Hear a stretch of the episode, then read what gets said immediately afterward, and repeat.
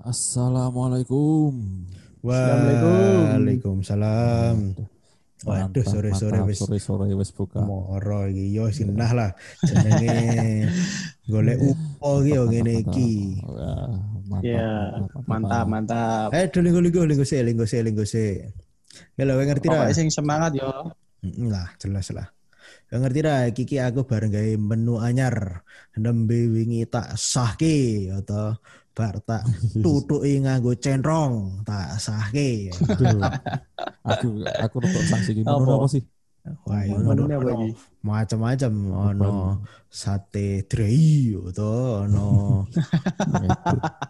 ono oseng sopo kuwi? oseng oseng debus ya. Iki iki meh debus iki debat. Ya wis aku pesen ae. Kenapa Pesan sing dri. oseng oseng drei ono anyar iki menu anyar Sing baut ono ora? Engko kayak ono kecap sidik wae gemen gene nak Ya. Sing baut ono ora sing baut? eneng baut iki mau tak sate gelem ra Lah bedanya apa? kan oseng-oseng iki tak sate Aku Oh iya, oh iya deh. ya, oseng-oseng bedrat. beda terus duwe Waduh. Iya, asbes, komplit anyar. neng asbes sih Ra apa ya? jaringan. Nah, Cak, Ora.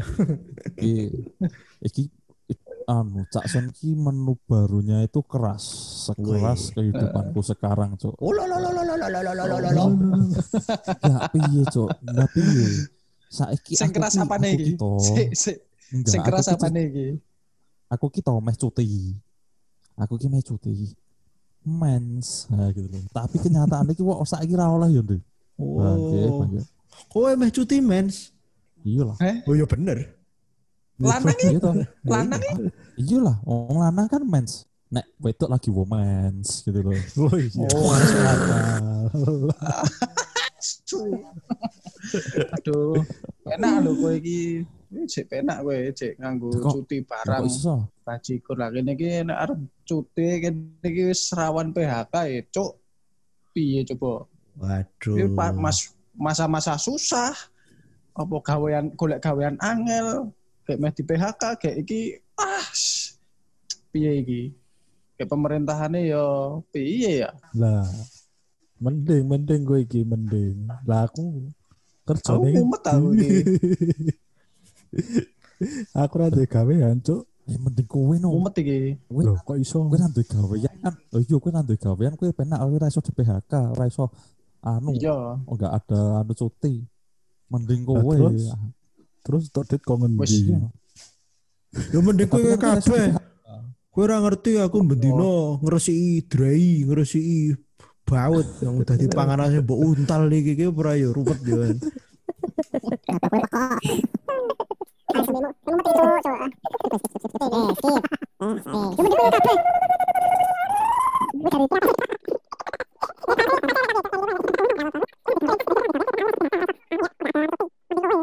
A few moments later.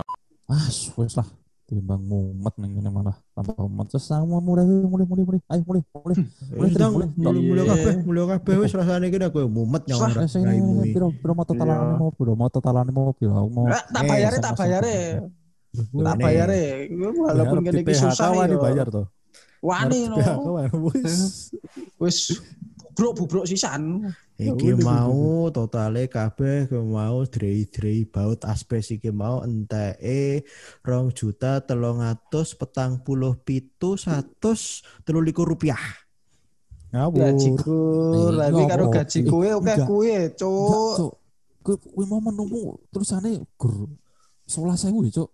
Saiki udah nganti 2 juta terus mau piye mau ceritane? Karemu piye? Bakulan ade iki wis lengganan lho nang nggonmu iki. Piye to iki? Lah yo sak-sakku no kan aku sing gawe menu. Yo ben to tak sah-sahke baru tak revisi dhewe yo to. Mosok gur sing ning dhuwur tok sing oleh ngrevisi. Oh. Oh.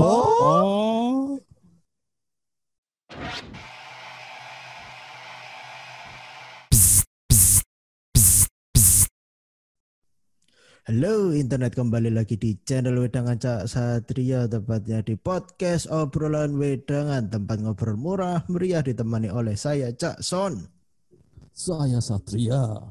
Saya Tri. Saya Marco. Dan hari ini kita kedatangan guest star terbaik di bidangnya, tentu saja. seorang pakar narkotika, seorang pakar. Pakar pakar pemakar. Saiki ini tadi harus ditanggapi pakar narkotika kan aku ngejuk Cuk. kan dia bukan pakar narkotika. Dia adalah seorang pakar hukum. Yaitu dia adalah Bang Yos. Halo semuanya. Apa kabar Bang Yos? Selamat malam Bang Yos. Alhamdulillah baik.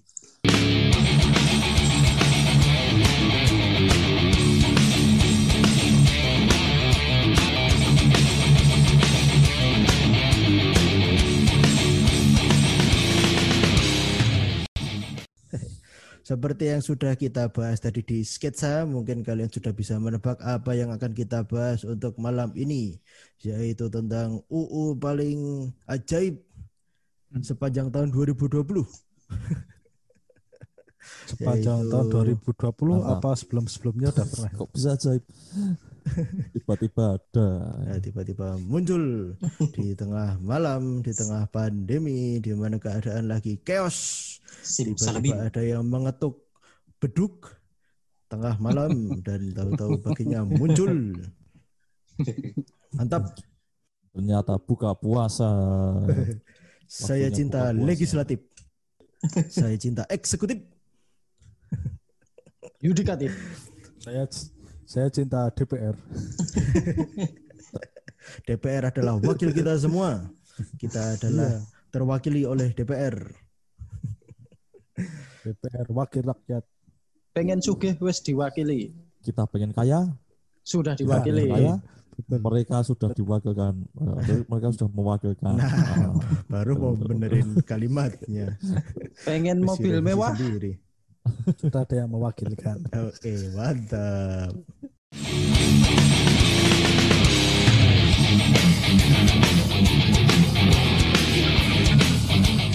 By the way, ini adalah uh, pertemuan pertama dari Full Frontal First. Yo, mantap di season kedua dari jeng. Wedangan. Sok sangar banget.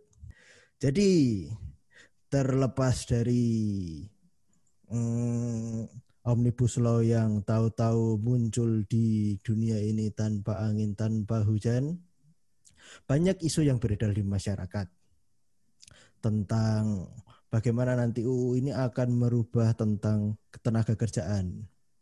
Sebenarnya UU om- eh, sorry, sebenarnya omnibus law itu tidak hanya membahas tentang ketenaga kerjaan, di dalamnya juga ada membahas tentang eh, apa itu namanya? Hmm, amdal amdal tentang pertanahan, tentang lingkungan hidup dan lain-lain. Jadi itu kan merupakan satu gabungan dari beberapa UU yang dicanangkan oleh pemerintah dan legislatif.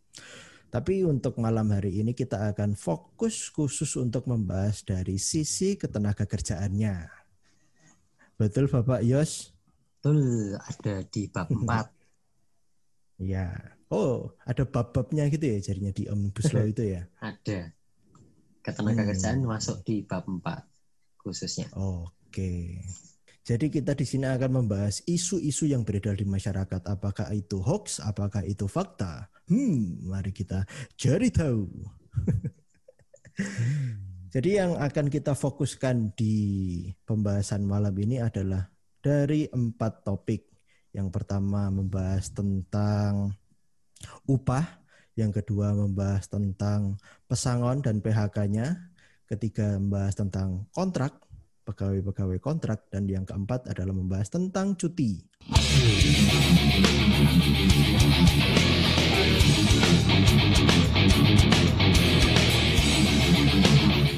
Pada isu yang beredar pada topik upah, antara lain yang muncul adalah yang pertama, isunya adalah seperti ini. Upah didasarkan per satuan waktu. Yang kedua, upah minimum hanya didasarkan pada UM, UMP, tidak berdasarkan UMK. Yang ketiga, sanksi pidana bagi pengusaha yang membayar upah di bawah upah minimum dihilangkan.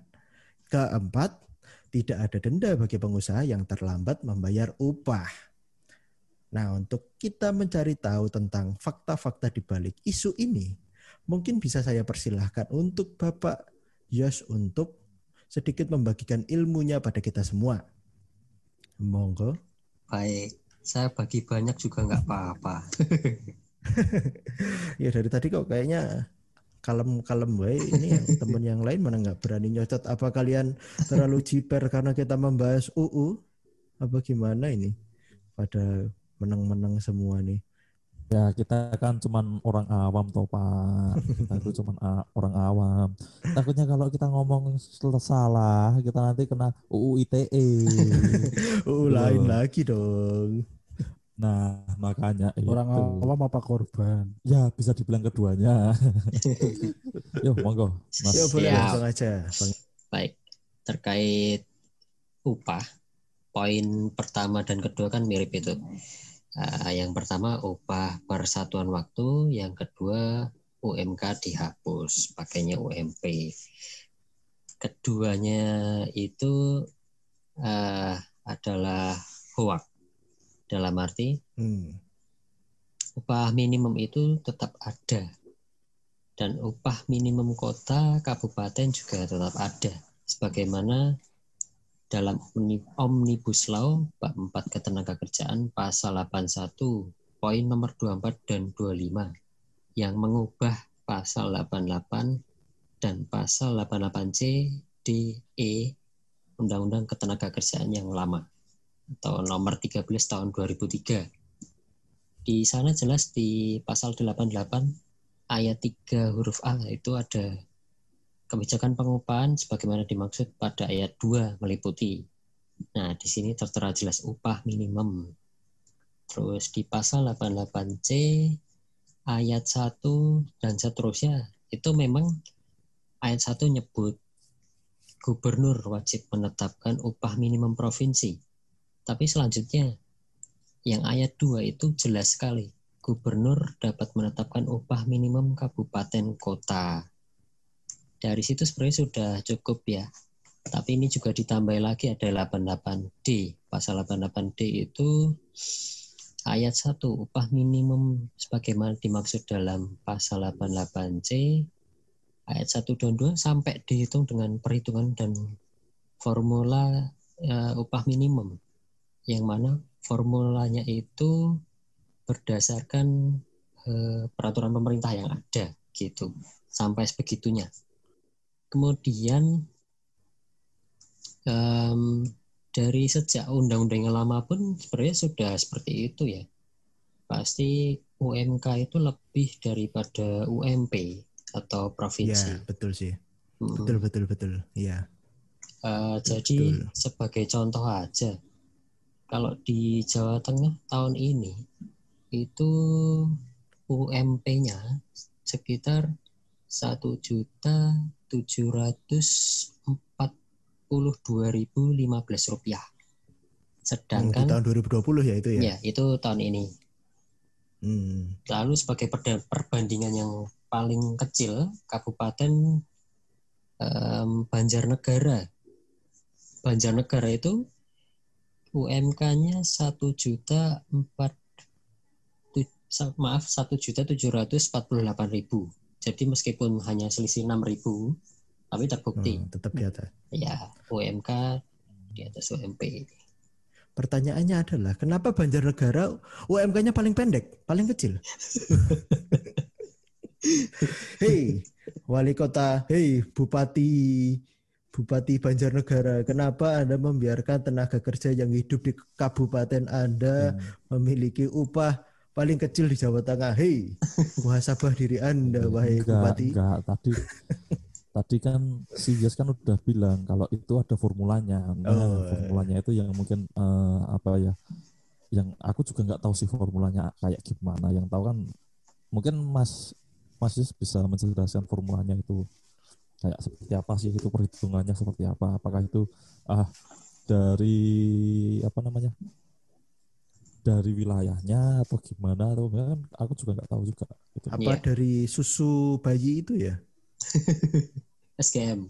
itu enggak cowok itu formulanya itu yang itu loh apa yang pak yang di dalam Krusty Krab atau yang di sama si Oh. plankton Formula nah rahasia. itu yang mau disuruh sama plankton tuh anjay Biar nggak sepaneng-sepaneng lah. Em, kalau berdasarkan dari Undang-Undang Omnibus Law di pasal 88 di bab 4 ketenagakerjaan, di sini hanya memuat garis besarnya variabel formula perhitungan upahnya itu berdasarkan variabel pertumbuhan ekonomi atau inflasi. Sedangkan untuk detailnya itu ada di dalam peraturan pemerintah yang belum kita bahas dalam pertemuan kali ini seperti itu. Ya memang peraturan Cak. pemerintahnya belum Cak. keluar.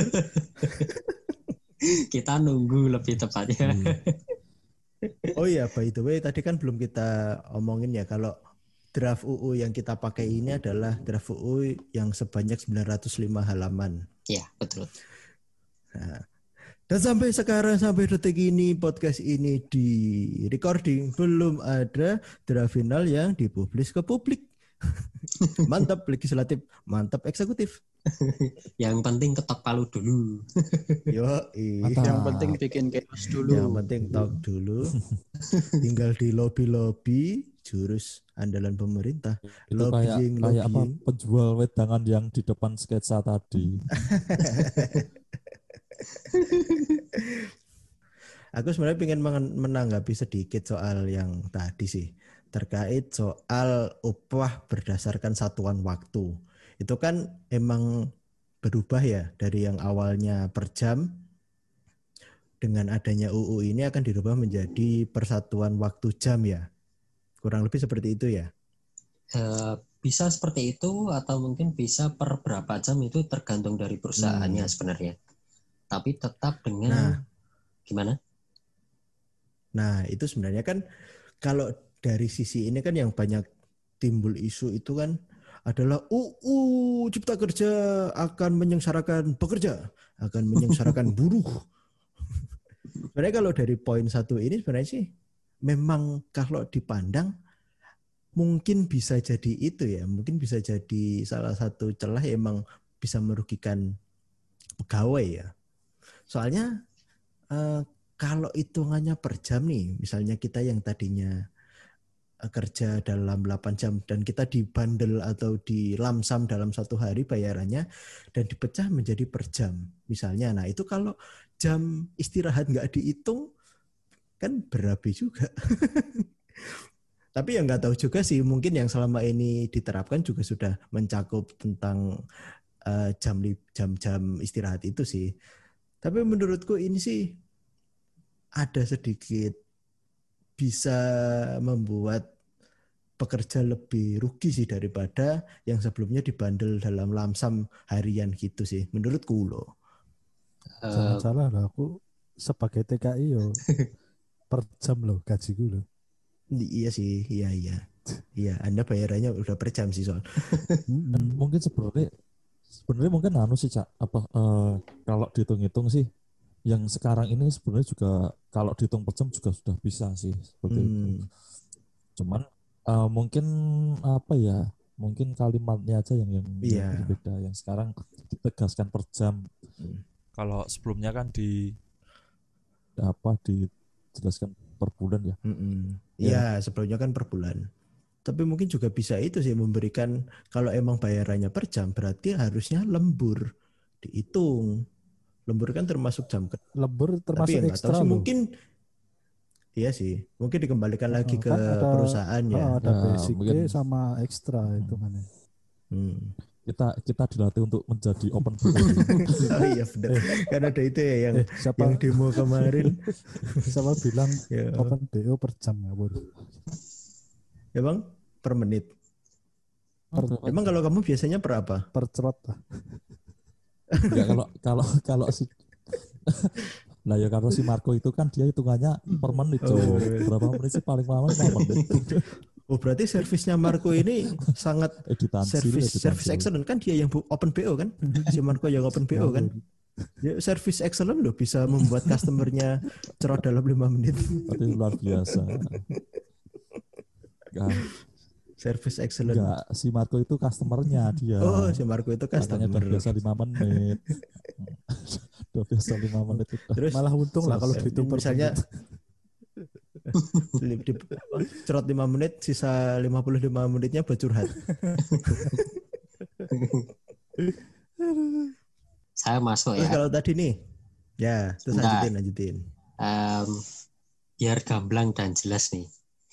Sebenarnya di pasal 79 di Omnibus Law bab 4 itu secara jelas ada kok. Waktu istirahat itu tidak termasuk jam kerja. Jadi bisa dipikirkan kalau memang jam kerjanya 8 jam otomatis jam istirahatnya ada tambahan lagi. Otomatis se- sehari kerja bisa 9 jam di kantor dengan kata lain. Kalau memang jam istirahatnya satu jam. Tapi ke- kelihatannya jam istirahat termasuk kasih uang makan itu toh. Ya, I- iya ada, sih. ada kan? uang makan, Malah ya betul. Tapi kalau menurutku uang makan itu nggak masuk di undang-undang deh. Itu emang kebijakan. di perusahaan masing-masing deh. Ya, ha-ha. Mm-mm. Iya itu tunjangan masuknya. Iya. Ya kalau perusahaanmu ngenes ya nggak dapat. Tergantung kondisi perusahaan masing-masing. Lanjut aja ya. Tadi yang apa Oke. poin tentang pengusaha terlambat membayar sama apa yang membayar upah di ba- bawah minimum kan belum di Ya, betul. Eh, explain.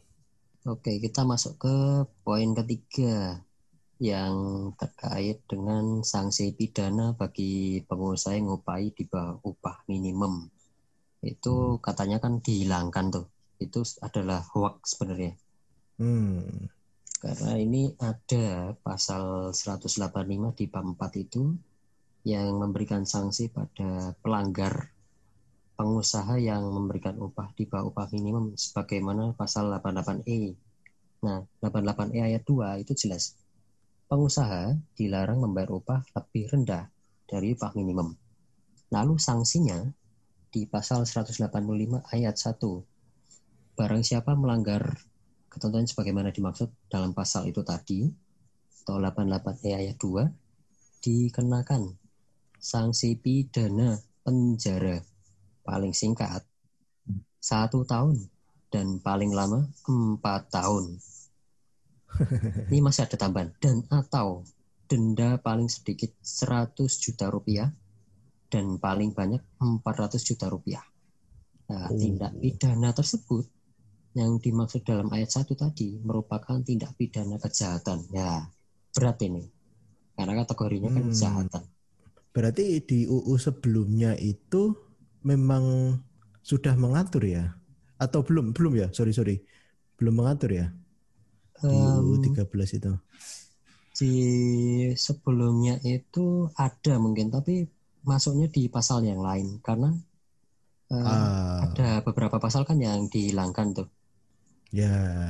Oh jadi ini memang merevisi tentang eh, pengusaha yang mengupai karyawannya ya.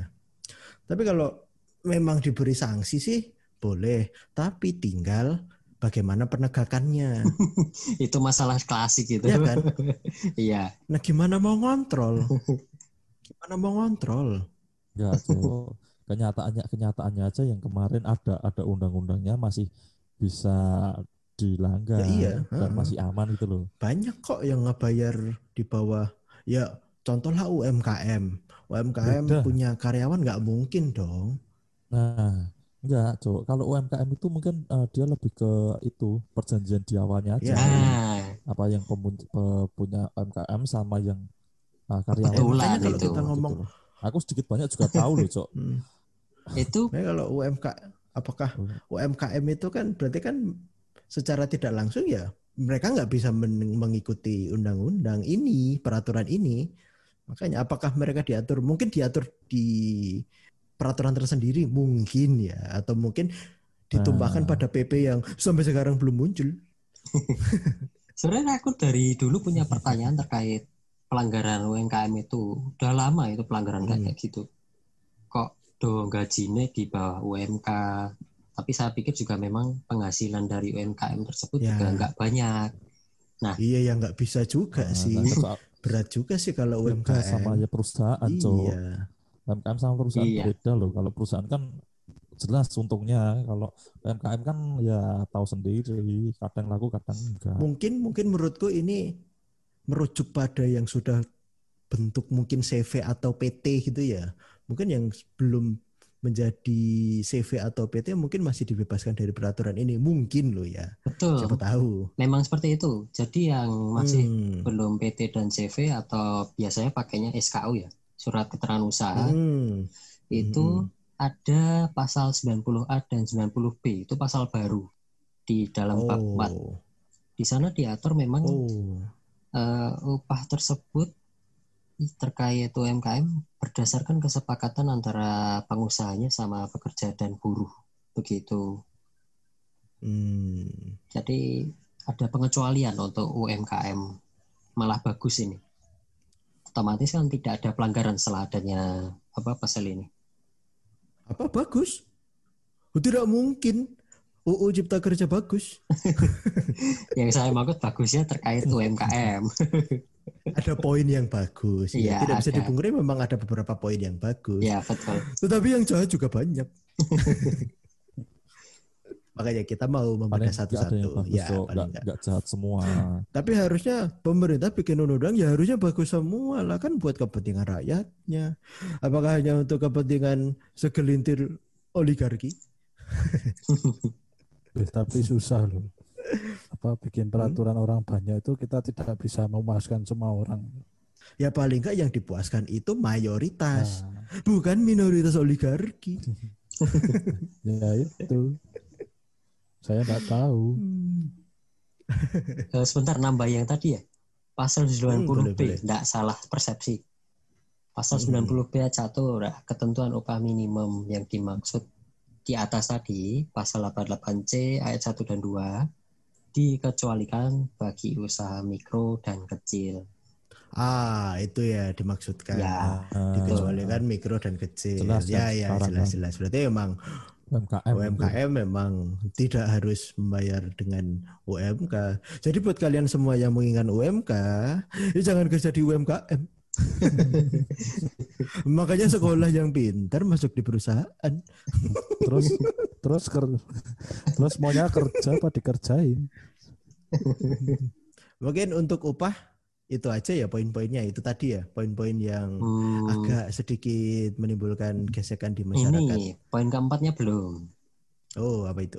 Itu denda untuk pengusaha yang telat bayar upah. Oh tadi belum ya? Ya, Ah, belum. Gimana tuh? Gimana tuh? Jadi memang sejak undang-undang yang lama di nomor 13 dan tahun 2003 tentang ketenagakerjaan memang dari dulu nggak ada. Karena Oh, itu sudah diatur kok di dalam peraturan pemerintah nomor 78 tahun 2015 tentang pengupahan di pasal mm, mm. 19 dan pasal 55 begitu. Nah, ini saya bacakan Oh. pasal 55 pengusaha yang dimaksud dalam pasal 53 saya nggak perlu baca pasal 53 ya nanti dibu- dibuka Ya, ya. sendiri Oh, oh, panjang banget. Iya. Punya internet bisa buka sendiri lah. yang terlambat membayar atau tidak membayar upah dikenai denda dengan ketentuan nah ini urut-urutannya banyak ini huruf A mulai dari hari keempat sampai hari ke-8 itu dikenakan denda sebesar 5% setiap hari keterlambatannya. Jadi hari per hari keempat sampai hari 8 total berapa ya? 20% ya. Mm, mm. Kemudian huruf B sesudah hari ke-8 kalau memang masih belum dibayar itu denda yang tadi masih ditambah lagi satu persen untuk setiap hari keterlambatan Hmm. dengan ketentuan satu bulan tidak boleh melebihi 50% dari upah yang seharusnya dibayarkan. Yang terakhir huruf C. Kalau memang sebulan belum dibayar lagi, dikenakan denda sebagaimana dimaksud huruf A dan B tadi ditambah lagi bunga sebesar suku bunga yang berlaku pada bank pemerintah. Nah, ini yang nanti mungkin bisa membengkak ini. Iya, ya enggak berarti Ini mantap ini. berarti enggak gini, Cok. Enggak, aku malah setuju. Cuk. Iya, setuju. Enggak, aku malah setuju kalau kayak, gini. Aku mendengar Telat aja ya? apa Enggak usah namanya? bayar aja ya. Biar telat aja. Ya bukan gitu, Ki. Hmm, Ya kalau kalau emang perusahaan Anda emang nggak bisa menggaji Anda, ya waktunya perusahaan itu pilot. waktunya Anda buat cabut. Jelas-jelas kalau bisa nggak bisa bayar overhead, bayar gaji karyawannya, ya jelas-jelas mau pilot lah. Apalagi kalau nggak pilot, ngapain di situ? Enggak, kita kita kan berharapnya cuma itu kan. Apa perusahaan nggak pilot, kita bayarannya setahun sekali gitu loh. Jadi tambah suku bunga itu tadi. Ente deposito apa gaji, Cuk? deposito berjangka. Enggak, ya. Ya kan cari enaknya aja. Namanya orang ya men- cari enaknya aja. Cuk.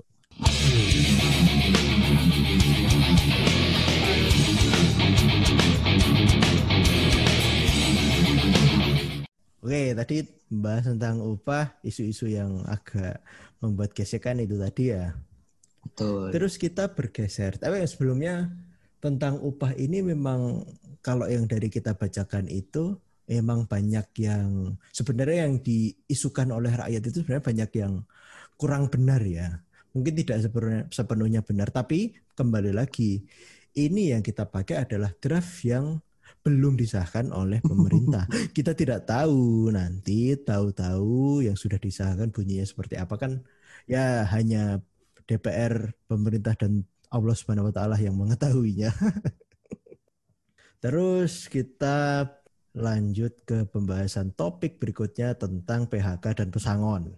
Beberapa isu yang muncul adalah tentang pekerja yang di PHK karena mendapat surat peringatan ketika tidak lagi mendapatkan pesangon. Uh. Terus kemudian ada pekerja yang mengundurkan diri tidak mendapatkan apa-apa. Yang yang berikutnya, pekerja yang di PHK karena terjadi perubahan status tidak lagi mendapatkan pesangon. Terus pekerja yang di PHK karena perusahaan tutup atau pilot juga tidak mendapatkan pesangon. Terus pekerja di PHK karena oh udah udah sorry sorry ya itu tadi. Pekerja yang meninggal dunia di, ahli warisnya tidak lagi diberikan sejumlah uang sebagai pesangon. Pekerja yang pensiun nah ini ini ini yang kadang sering dibahas itu kan pekerja yang pensiun tidak lagi mendapatkan pesangon. Nah lo pekerja yang sakit juga tidak mendapat pesangon. Nah yo gue ya wis semuanya emang gak dapat pesangon gimana tuh jadi gimana tuh mungkin pencerahannya gimana tuh bang Yos Siap. Jadi poin 5 sampai poin 12 ya sebenarnya tadi. ya 12 poin. agak banyak nih 5 sampai 12. Itu ternyata eh ternyata diatur di dalam hmm. pasal 154A ini pasal baru di bab 4 ketenagakerjaan yang disisipkan. Hmm. disisipkan Iya. wow. Jadi di sini lengkap. Kalau yang dulu memang dipisah-pisah di pasal-pasal yang berbeda, sekarang jadi satu di sini. Makanya pasal-pasal Hmm. yang lama itu dihapus karena memang digabungkan di Oh. pasal ini. Nih, pasal 154 ayat 1. Pemutusan hubungan kerja dapat terjadi karena alasan. Semuanya disebut di sini. A. Perusahaan Hmm. melakukan penggabungan, peleburan, pengambil alihan, atau pemisahan perusahaan. Ini poin 7 masuk di situ ya berarti. Kemudian B. Perusahaan melakukan efisiensi. Kemudian C. Perusahaan tutup karena mengalami kerugian. Nah ini juga poin 8 masuk berarti. Kemudian eh, huruf D. Perusahaan tutup yang disebabkan karena keadaan memaksa. Huruf E. Perusahaan dalam keadaan penundaan kewajiban pembayaran utang. F. Perusahaan pilot. Nah, pilot ini tadi masuk di poin 9. Kemudian eh, saya bacakan poin yang terkait eh huruf Ya, yang terkait yang poin terkait saja aja. ya. Oke. Mm, mm, mm. Ini huruf H ada. Pekerja atau buruh mengundurkan diri atas kemauan sendiri. Otomatis poin 6 masuk di situ. Yang ya mundurkan diri. Kemudian eh, pekerja atau buruh mangkir. Ini bisa juga masuk ke poin 5. Kemudian J, pekerja buruh melakukan pelanggaran ketentuan yang diatur dalam perjanjian kerja, peraturan perusahaan atau perjanjian kerja bersama. Ini juga masuk di poin 5. Karena surat peringatan ketiga itu pasti diatur di dalam peraturan perusahaan yang mungkin dilanggar sama si pekerja atau buruh tersebut. Lalu huruf L ini juga masuk ke dalam poin tadi. Pekerja atau buruh mengalami sakit berkepanjangan atau cacat akibat kecelakaan kerja dan tidak dapat melakukan pekerjaannya setelah melampaui batas 12 bulan. Poin Oh setahun. ya dihitung setahun. Ini masuk ke poin mana tadi? Nah, poin analitik yang nomor 12, poin ke-12. Lalu Hmm. sakit berkepanjangan yoi. ya huruf M, pekerja atau buruh memasuki usia pensiun. Ini poin Nah, ke-11 ya, yang tadi. ya 11 ya. Betul. Kemudian pekerja yang meninggal dunia itu poin 10 masuk di huruf N. Pekerja atau buruh meninggal dunia. Begitu. Hmm. Kelanjutannya, karena ini kan tidak bisa hanya eh, pasal 154A saja untuk secara implementasinya dibutuhkan pasal 156. Nah, di sini ayat 1 sudah jelas. Pasal 156 ayat 1. Dalam hal terjadi pemutusan hubungan kerja. Ini berarti bisa diartikan semua jenis pemutusan hubungan kerja yang ada di dalam 154A tadi, Yang sudah disebutkan tadi ya. betul semuanya tadi. Pengusaha Hmm. wajib membayar uang pesangon dan atau uang penghargaan masa kerja dan uang penggantian hak yang seharusnya diterima. Nah, enak toh? Ada macam-macam dapatnya. Meskipun Malah bisa malah bisa double double malah ya. iya betul. Jadi udah ada rumusnya bisa dibaca sendiri di pasal 156 ayat 2 untuk uang pesangonnya. Masa Itu ada kerja kurang dari sendiri juga. Iya. Bisa Hmm. dihitungkan sendiri ini. Sudah jelas.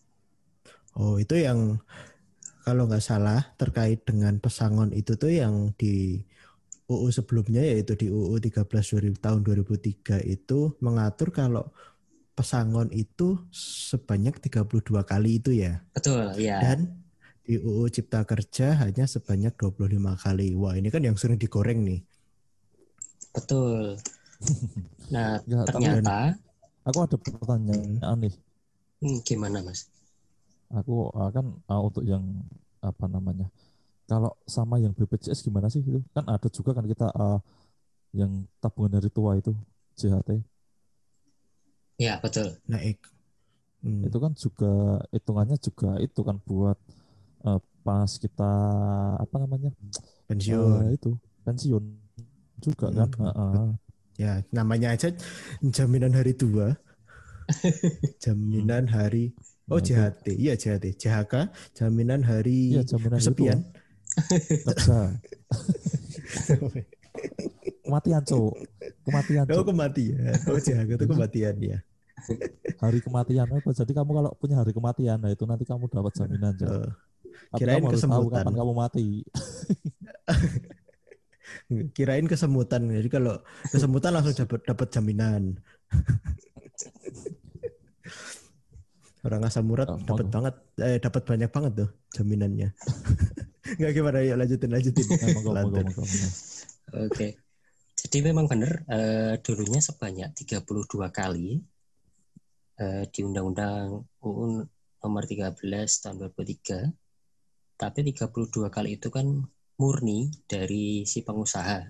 Sedangkan Hmm.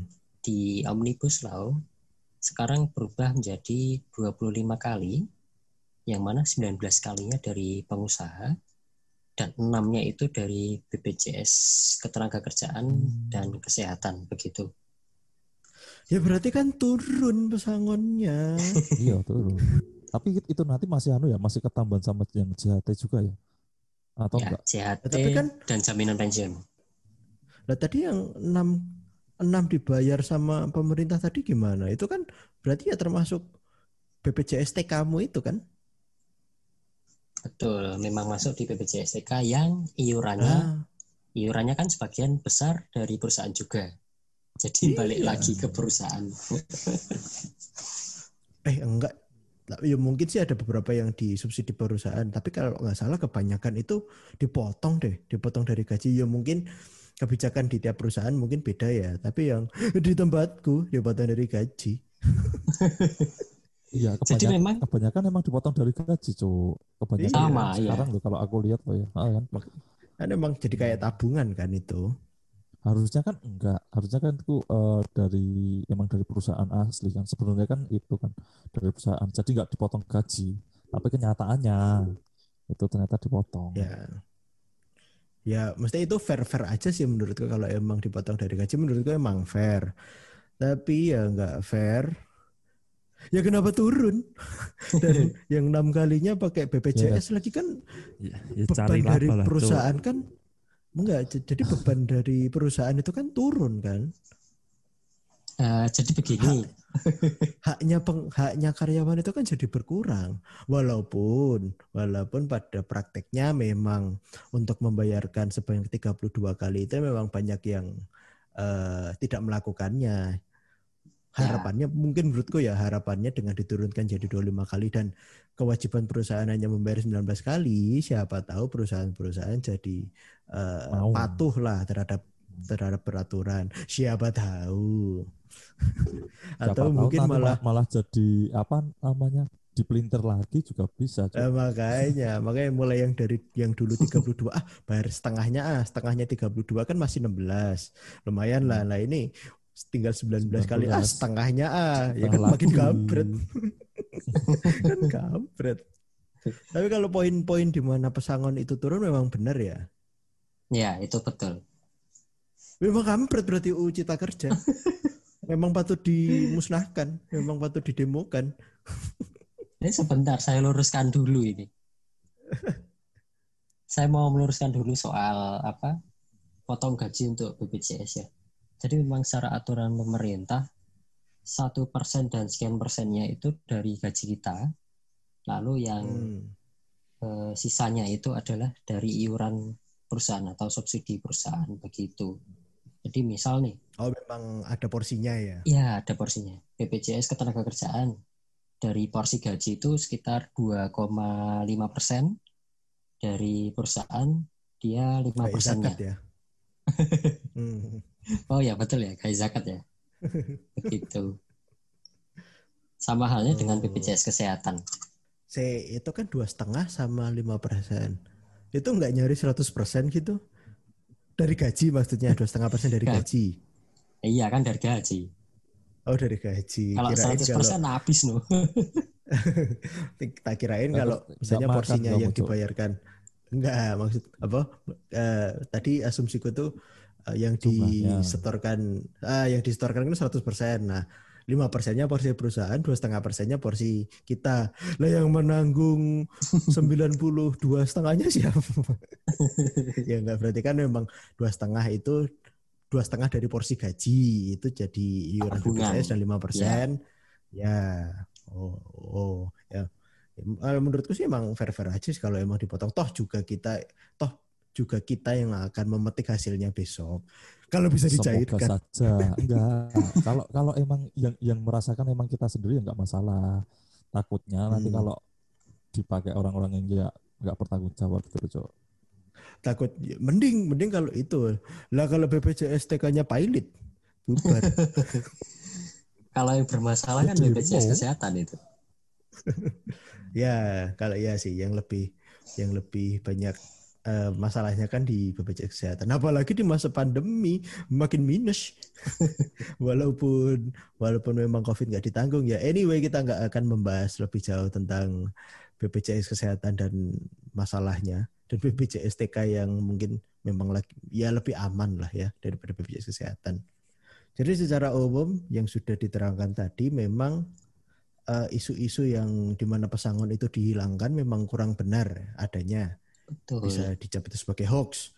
Tapi yang benar adalah memang jumlah pesangon yang akan dibayarkan ke karyawan atau buruh itu memang berkurang. turun. Tinggal sebenarnya poin terpentingnya adalah bagaimana peru- eh, pemerintah itu bisa me- mengapa ya meng- mengkontrol semua perusahaan. Ini kan lebih mungkin lebih ke perusahaan ya balik lagi mungkin UMKM mungkin memiliki peraturan berbeda lebih khususnya kan ke perusahaan. Bagaimana pemerintah bisa mengontrol perusahaan-perusahaan besar ini untuk membayarkan hak dari karyawan itu secara secara utuh lah.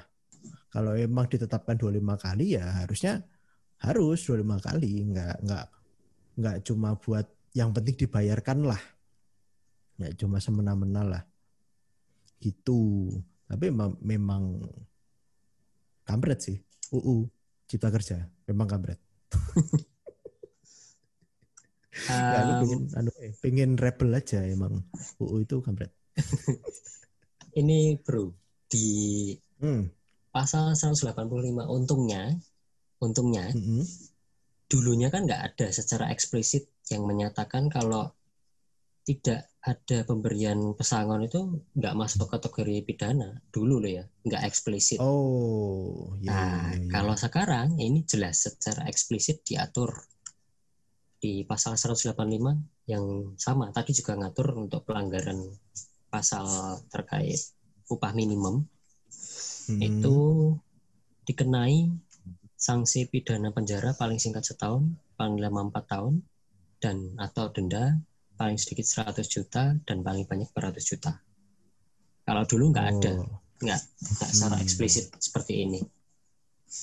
Nah, paling enggak kalau udah ada peraturannya, ya mungkin harusnya pemerintah sebagai pelaku yang apa ya, meng- mengontrol atau en- law enforcement-nya ya bisa dibilang ya harusnya Nah, mereka betul. lebih, Penegak hukumnya ini. nah makanya harusnya lebih fokus di situ nggak cuma bikin aturan tapi nggak diterapin ngapain? Nah, ngapain bikin aturan kalau gitu? Eh, jujur ya, saya dulu sudah dua tahun di perusahaan dan Hmm. yang saya lihat di sana jarang sekali kasus-kasus ketenaga kerjaan tuh masuk ke ranah pidana. Jarang, jarang sekali. Nah itu, itu kan makanya hukum itu tuh tajam ke bawah, tumpul ke atas, cowok. Itu loh. Uh, Jadi Iya, yang di bawah kan emang tumpul. yang tajam kan emang mulut-mulut manusia yang di atas. kebalik, cowok. Kebalik ya tajam itu yang di Oh bawah. kebalik ya. Oh, aduh aduh Oh, salah salah salah. gimana gimana gimana? Ya nyatanya kalau uh, UU kemarin yang, yang dibuat kan ya buat anu ya kalangan bawah ya, ya kan? Ya, buat kalangan atas ya mungkin mungkin karyawan. dibuat cuman enggak uh, mungkin mungkin uh, yang kalangan atas juga dibuat dalam artian perusahaan itu juga dibuat cuman mungkin kenyataannya nanti juga tumbuh juga gitu loh. Kalau yang bawah tajam. Ah, Selama masih Gitu. ada budaya lu.